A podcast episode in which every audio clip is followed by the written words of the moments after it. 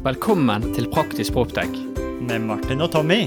Dette er en podkast der vi ikke skal snakke om en fremtid langt unna, Men hvordan ny teknologi kan hjelpe oss til å drifte forvalte. og bruke byggene våre i dag. Vi vil vise deg de beste eksemplene fra innlandet Og fra utlandet.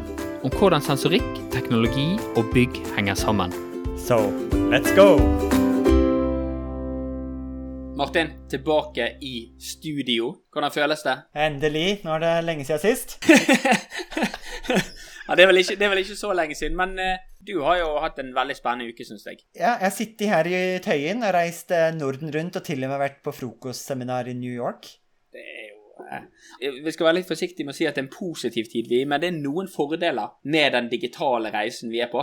Vi er jo tvunget til å bruke digitale medier på en helt annen måte. Og i dag Jeg klarte jo òg å planlegge to store foredrag på samme dag, som tidligere hadde krevd at jeg hadde hatt flyreiser i hver sin retning i landet.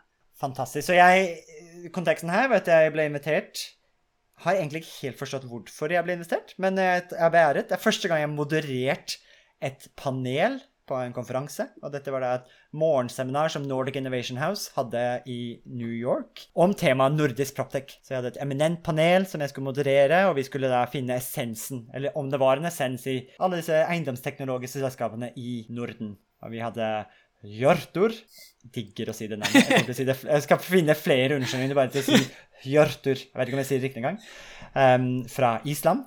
Vi hadde Tasha fra Proptech Finland. Og så hadde vi vår kjære Anders Brekke fra ikke så langt fra der. Fra Proptech Innovation i, i Bergen. Som sitter hos oss til, og med. Så jeg hadde jo veldig hyggelig samtale med alle sammen i forkant, og måtte jo prøve å lese meg litt opp og forberede meg til å moderere dette panelet. Før, jeg har lyst til å spørre deg et spørsmål liksom, hva du sitter igjen med, men før vi gjør det, så er jo det litt interessant å tenke på at, at PropTech i Norden er jo skyhøyt. Vi har jo, vi har jo sett undersøkelser, det er vel er det Unisus som egentlig har kommet frem til Uni, Uniso. Uniso. James Dearsley Uniso. Ja. Det er en um, te tenketank som uh, kartlegger PropTechs eiendomsteknologiske selskaper i hele verden. Veldig nyttig ressurs. Vi legger det i shownotes. Og de har jo sagt at, at PropTech i Norden, der, det er der det skjer. Altså Når du ser på PropTech-selskaper som på en måte eh, per kapital og hvordan, hvordan, Og vi har så mange gode historier. Sånn. Vi har jo den alle kjære Spacemakers-historien som ble solgt for, for 2,3 milliarder, er det vel, eller noe sånt.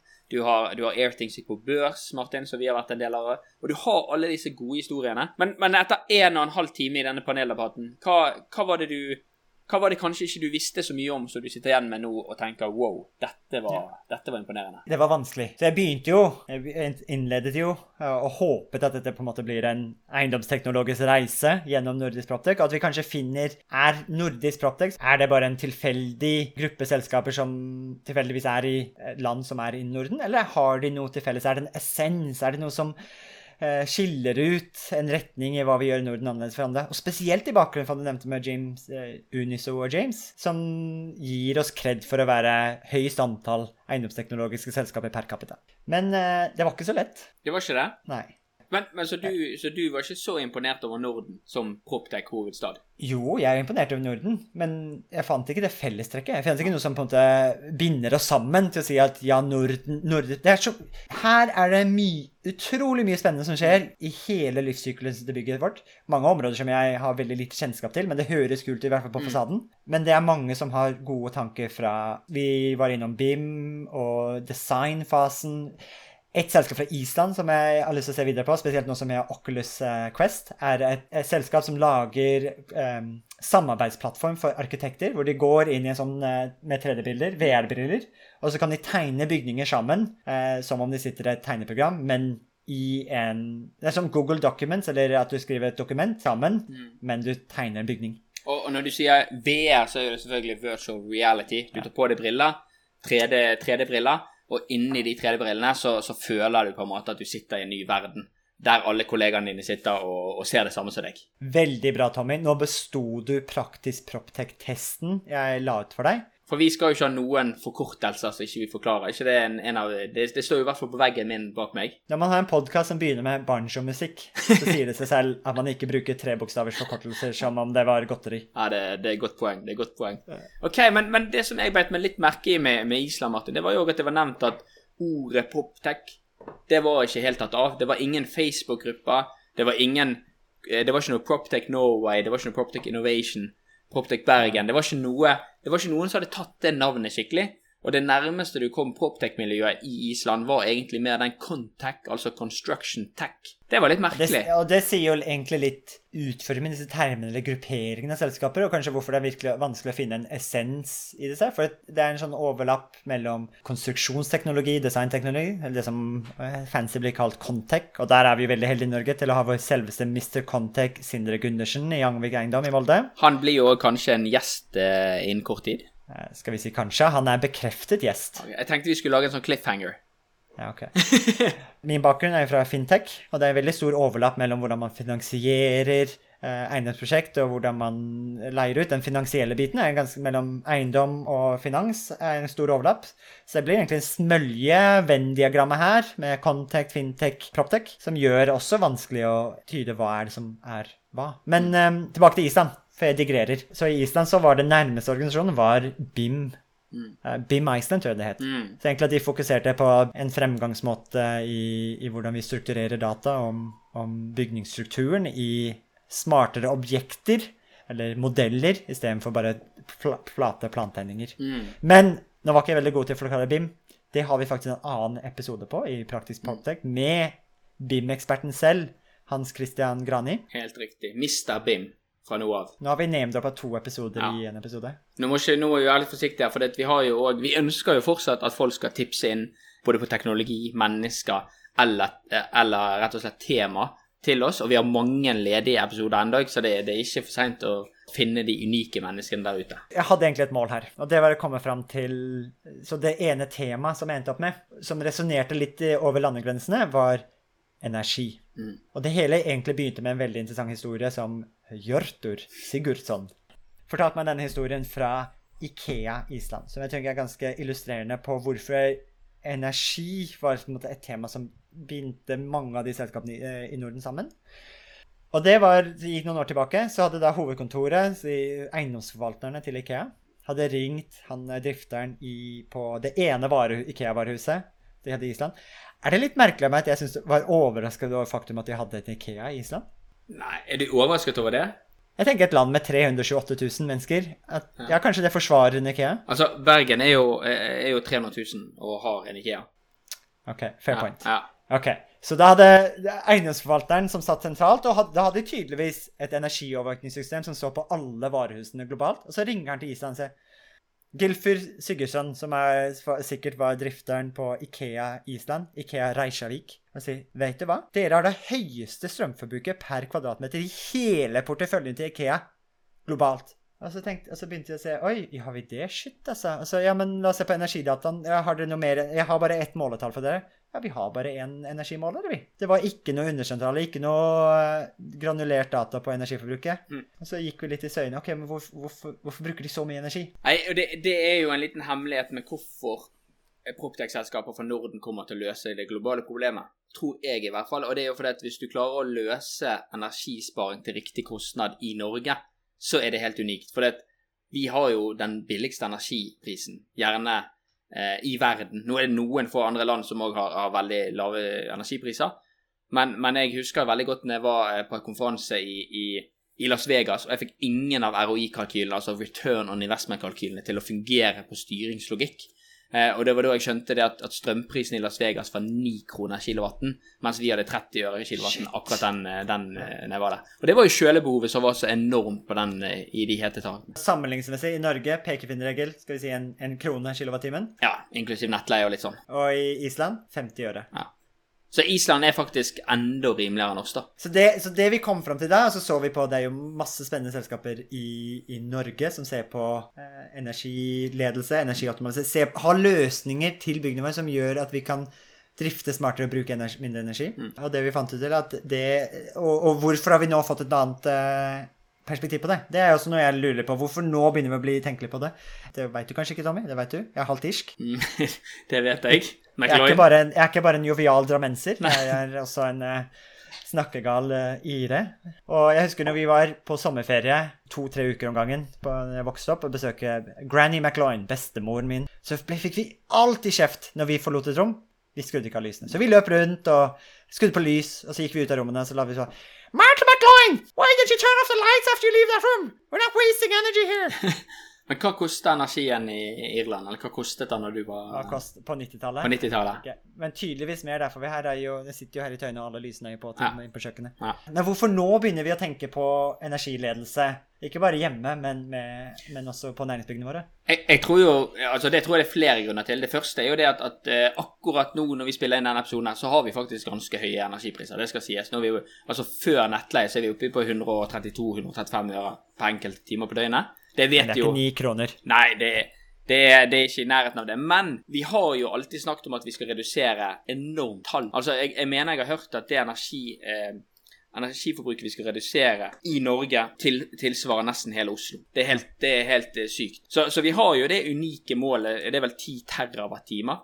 Eh, og dette er jo noe som myndighetene har kommet frem til og snakket mye om og tatt opp med oss. Men det som jeg tror er en av grunnene til at det virkelig tar av nå, det er jo fordi at de som har gjerne DNB Bank i dag og leier for næringsbygg, de har jo fikk ut en litt, kanskje litt uhyggelig mail etter deres syn om at fra 1.1.2021 så er det krav om at alle næringsbygg skal ha den energiattesten. Ikke bare sånn at du skal ha den for myndighetene sier, men bankene sier det. den var, den var der banebrytende. Ja, ja. Nå setter banken, finansieringsinstitusjonen, føringer på energiautomatiseringen i næringsbyggene Og de sier, de sier til og med at du skal eh, ikke bare ha energisertifikater som du kan kjøpe, og så er det engangsgreie, men du skal drive med årlig energiledelse. Du skal ha et forhold til hvordan energiforbruket per kvadratmeter. Du skal, du skal drive med konkrete tiltak.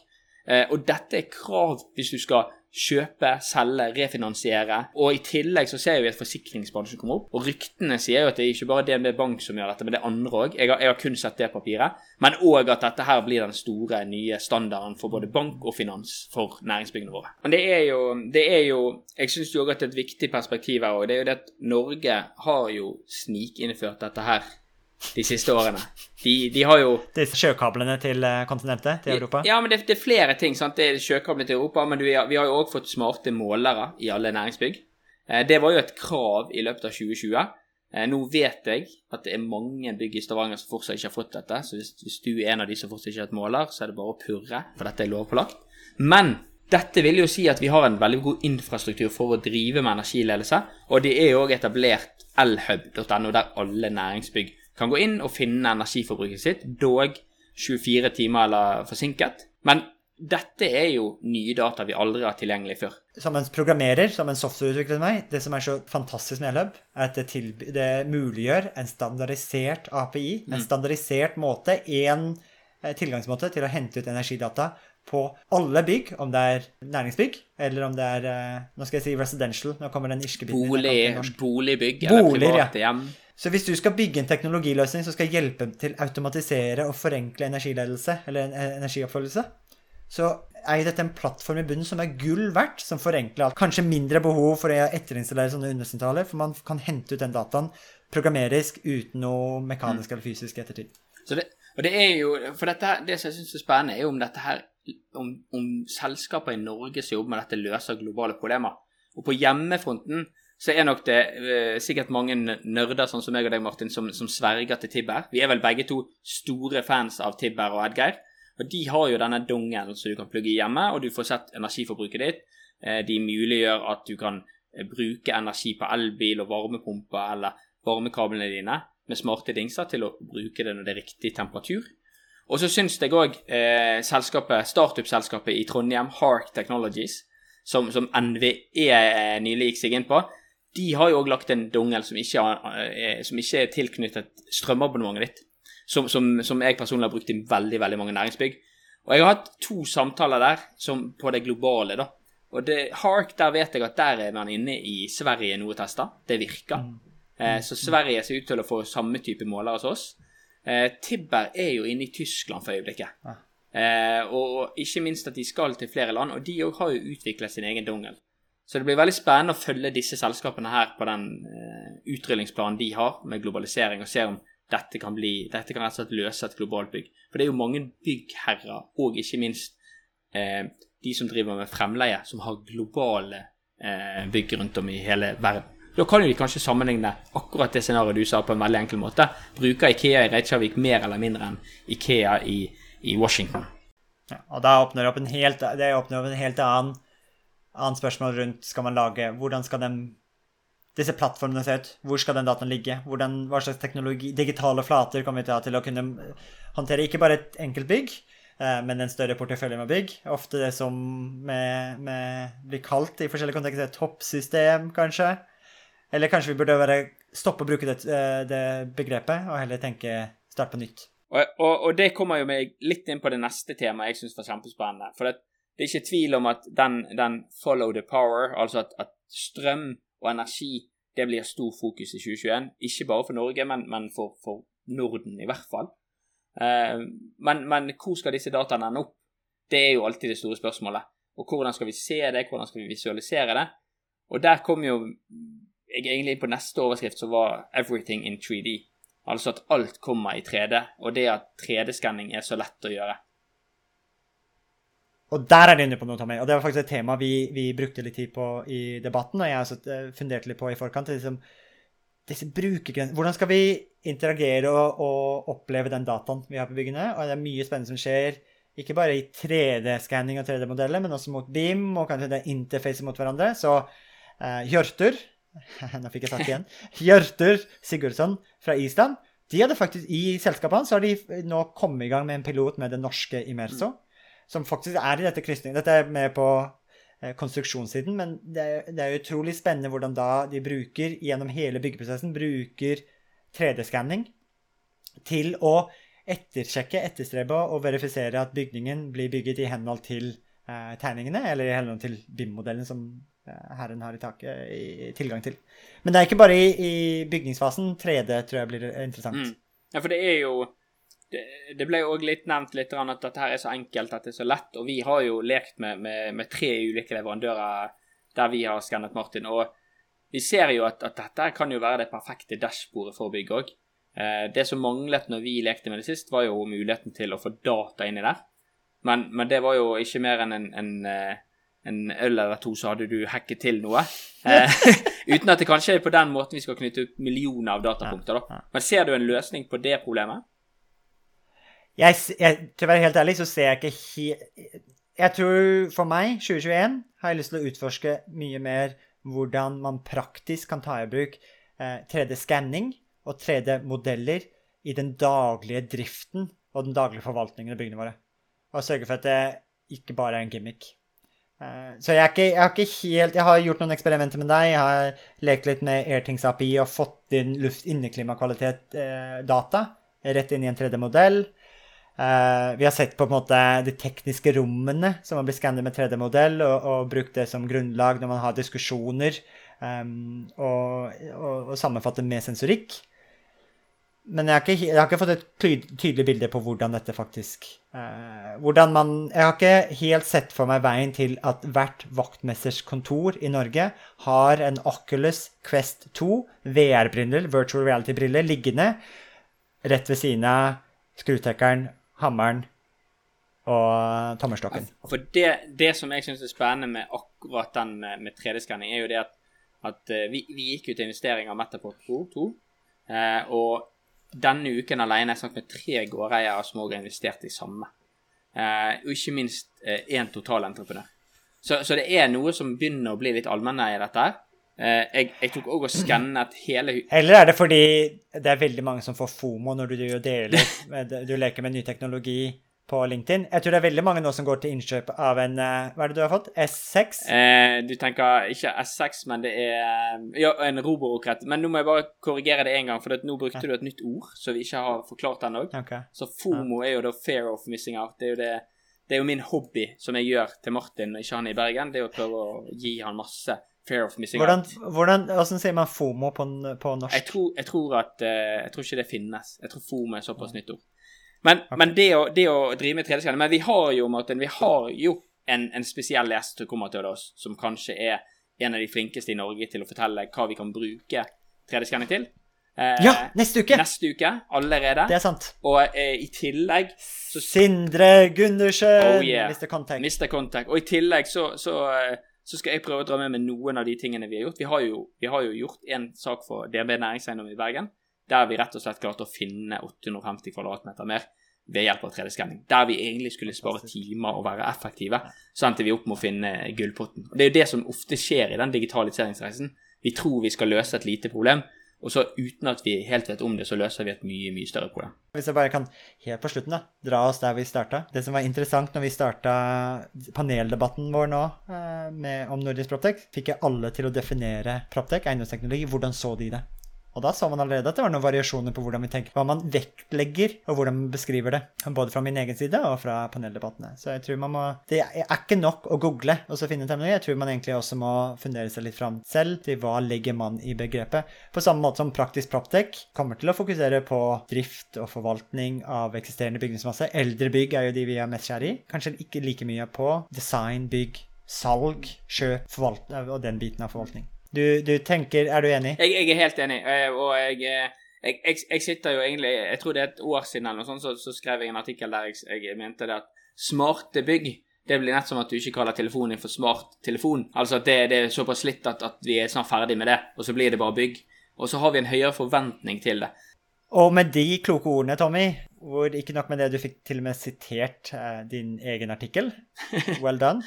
Så tenker jeg vi avrunder denne episoden av Praktisk Proptech. Mitt navn er Martin. Og mitt navn er Tommy. Og du har nettopp hørt på Praktisk Proptech.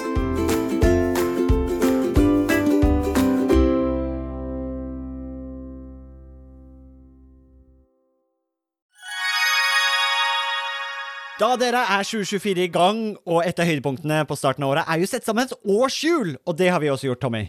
Ja, Akkurat nå sitter jeg og ringer rundt 25. og 26. april, for da skal vi på FTV-kongressen. Og det blir litt ekstra spesielt i år, Martin. Det var jo veldig spesielt i fjor òg, for jeg husker det vakre øyeblikket når eh, du og Magnus fra FTV-kongressen eh, preiket sammen og egentlig unnfanget og satt sammen en god idé. Og det var jo invitasjonen til eh, Proptech-dugnaden, som også blir et høydepunkt i år, ikke sant, Magnus, på FTV-kongressen 2024? Jo, det stemmer det. Vi setter godt med plass i år til, eh, til dugnaden. En eh, god og sprø idé for å sette praktisk Proptech ut faktisk i livet og vise hva vi får til, ikke bare fortelle. Det var, jo, det var jo veldig gøy, for jeg husker da jeg skulle pitche dette til deg, så tror jeg du avbrøt meg og bare sa 'vi er med'. Og når vi var på dugnaden, så sa du òg at Tommy, dette her må vi ta med oss tilbake på FTV-kongressen. Vi må jo praktisk få dette vekk fra Powerpoint og vise praktisk hvordan vi har gjort det. Og det syns jeg blir litt spesielt i år, at det blir jo for meg en liten reunion av det som skjedde der ute. Men, men eh, FTV-kongressen er vel mye mer enn en, bare en reunion òg?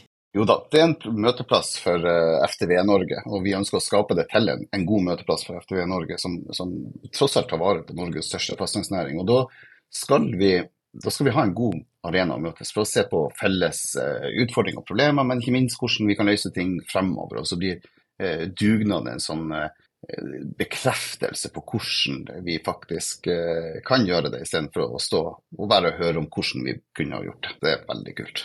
Og januar er jo en gavemild måned, så hvis du brenner for bedre drifting av bygg, så kan du få med en liten rabattkode her også, så møtes vi kanskje 25.-26. april på Tung kongress Gardermoen. Og den rabattkoden er ikke vanskeligere enn Praktisk Proptech med små bokstaver og uten mellomrom. Praktisk Proptech. Praktisk Proptech, små bokstaver, ingen mellom ett ord. ftvkongressen.no, der ser du programmet. Det blir oppdatert i disse dagene, og så møtes vi i april. Vi ses! Vi ses!